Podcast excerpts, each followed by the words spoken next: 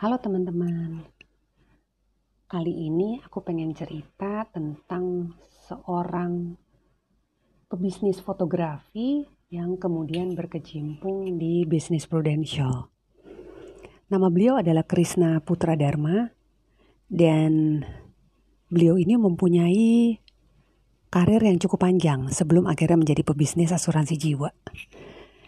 Jadi kalau kita lihat perjalanan karir beliau itu kayaknya macam-macam bisnis sudah pernah beliau jalani. Mulai dari jualan handuk pernah, kemudian bisnis ikan pernah juga, lalu bisnis fotografi yang terakhir sebelum akhirnya beliau fokus di bisnis prudential.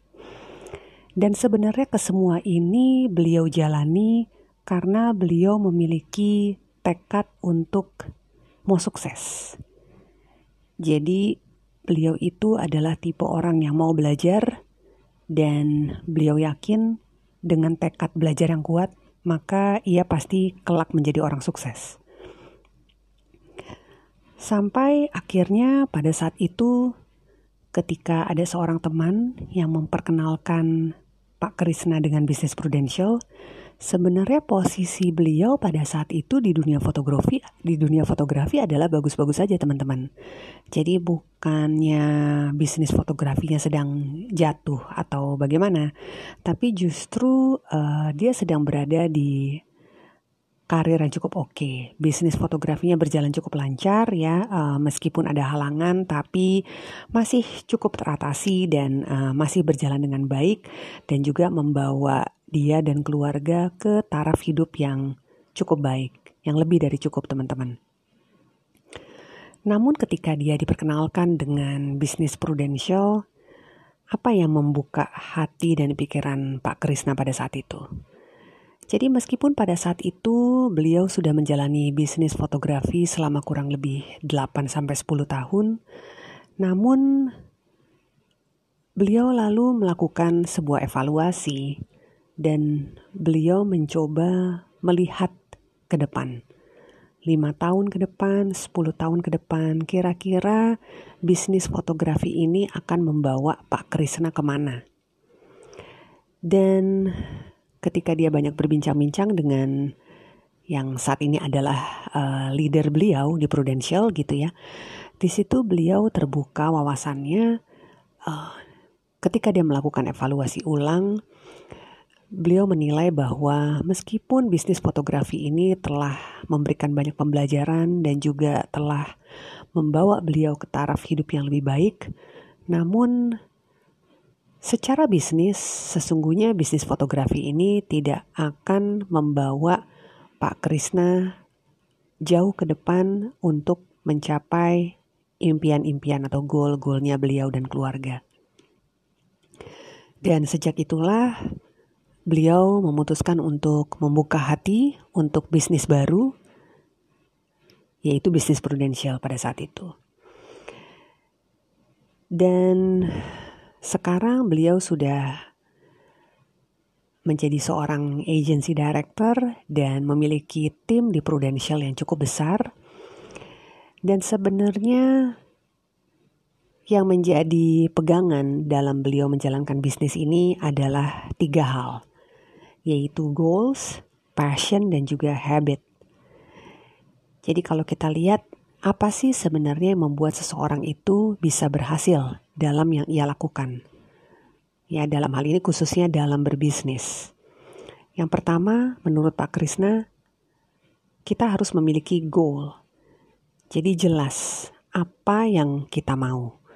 Tujuan kita berbisnis itu apa? dan sebisa mungkin tujuan ini hendaklah detail dan juga spesifik. Harus jelas sejelas-jelasnya, karena tujuan yang jelas inilah yang akan menentukan arah kita, yang akan menentukan jalan yang kita tempuh, yang akan menentukan keseharian kita, aktivitas bisnis kita dari hari ke hari.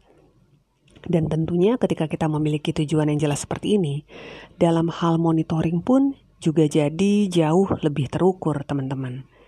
Dan ketika semuanya terukur, tentu saja proses untuk pencapaian tujuan tersebut akan jauh lebih mudah Kemudian selain memiliki goal yang spesifik, beliau juga memiliki passion.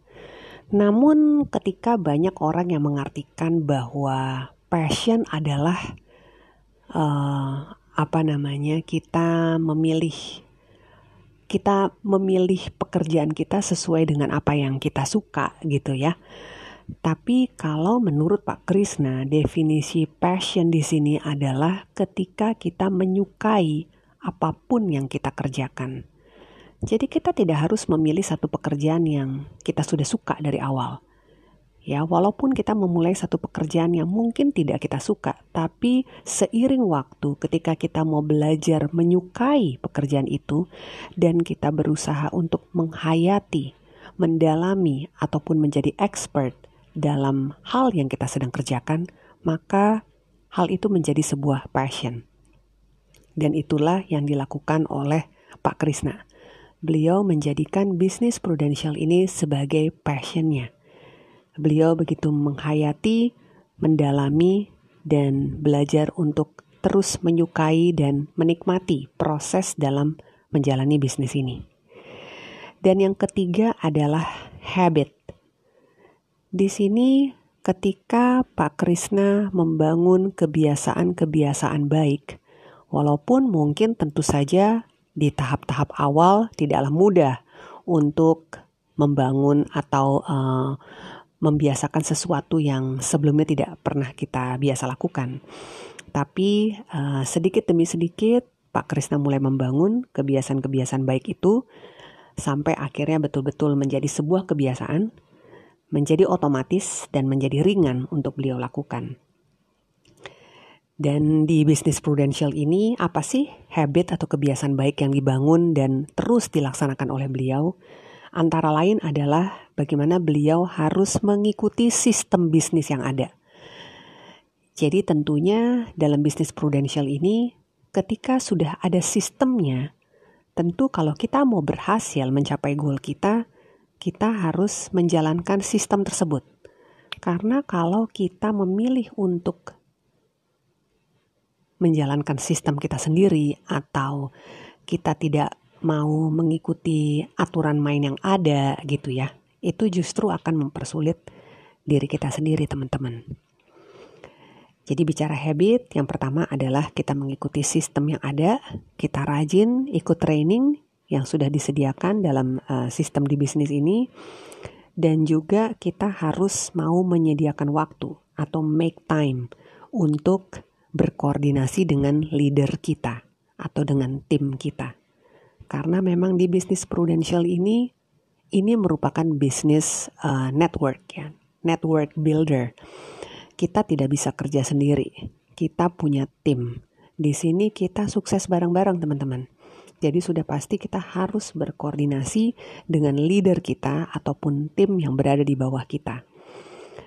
Ini salah dua dari contoh kebiasaan baik yang dibangun oleh Pak Krisna dalam upayanya untuk mencapai goalnya di bisnis prudential.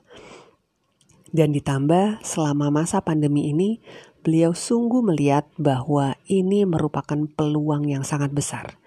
Jadi kalau sebelumnya Pak Krisna harus warawiri, harus ketemuan di uh, tempat ngopi ataupun harus ketemuan di mall atau ketemuan di suatu tempat yang mungkin memakan waktu dalam perjalanannya gitu ya untuk janjian bisa ketemu orang tapi sekarang cukup dari rumah. Semua hal itu bisa dilakukan teman-teman. Bahkan tentunya kita bisa ngirit ongkos kita bisa mengirit waktu perjalanan dan kita bisa bertemu dengan lebih banyak orang dalam waktu satu hari. Belum lagi dengan social media, kemudian sistem internet marketing zaman sekarang. Wow, luar biasa teman-teman prospeknya. Jadi masa pandemi ini selalu dipandang oleh Pak Krisna Putra Dharma sebagai sebuah peluang yang besar instead of sebagai sebuah kendala. Jadi teman-teman gimana? Siap untuk memandang pandemi ini sebagai sebuah peluang?